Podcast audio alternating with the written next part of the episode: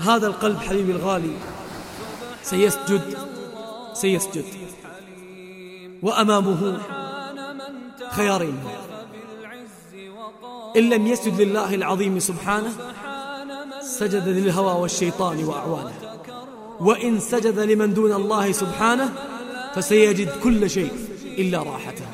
ويذوق كل شيء إلا طمأنينته وسعادته. ومن جرب هذا يعرف ما أعنيه جيدا. وخسارته ليست في الدنيا فقط بل والله وحتى في الآخرة. تجده أكثر الناس بحثا عن السعادة يسافر ويذهب أكثر الناس بحثا عن السعادة ولا يشم رائحة السعادة. يجرب كل شيء ليذوق طعمها ويجد كل شيء إلا طعمها. ولأجل هذا أكثرهم ينتحرون.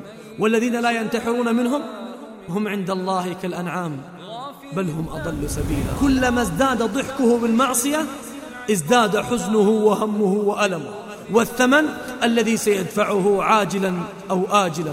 ومن يعص الله ورسوله ويتعد حدودا يدخله نارا خالدا فيها وله عذاب مهين. فحاله كالعطشان الذي يشرب من ماء البحر ليرتوي وكلما ازداد شربا ازداد عطشا. يجد كل طعم إلا الارتواء ولا سبيل له إلا النجاة إلا بالفرار إلى الله سبحانه وتعالى.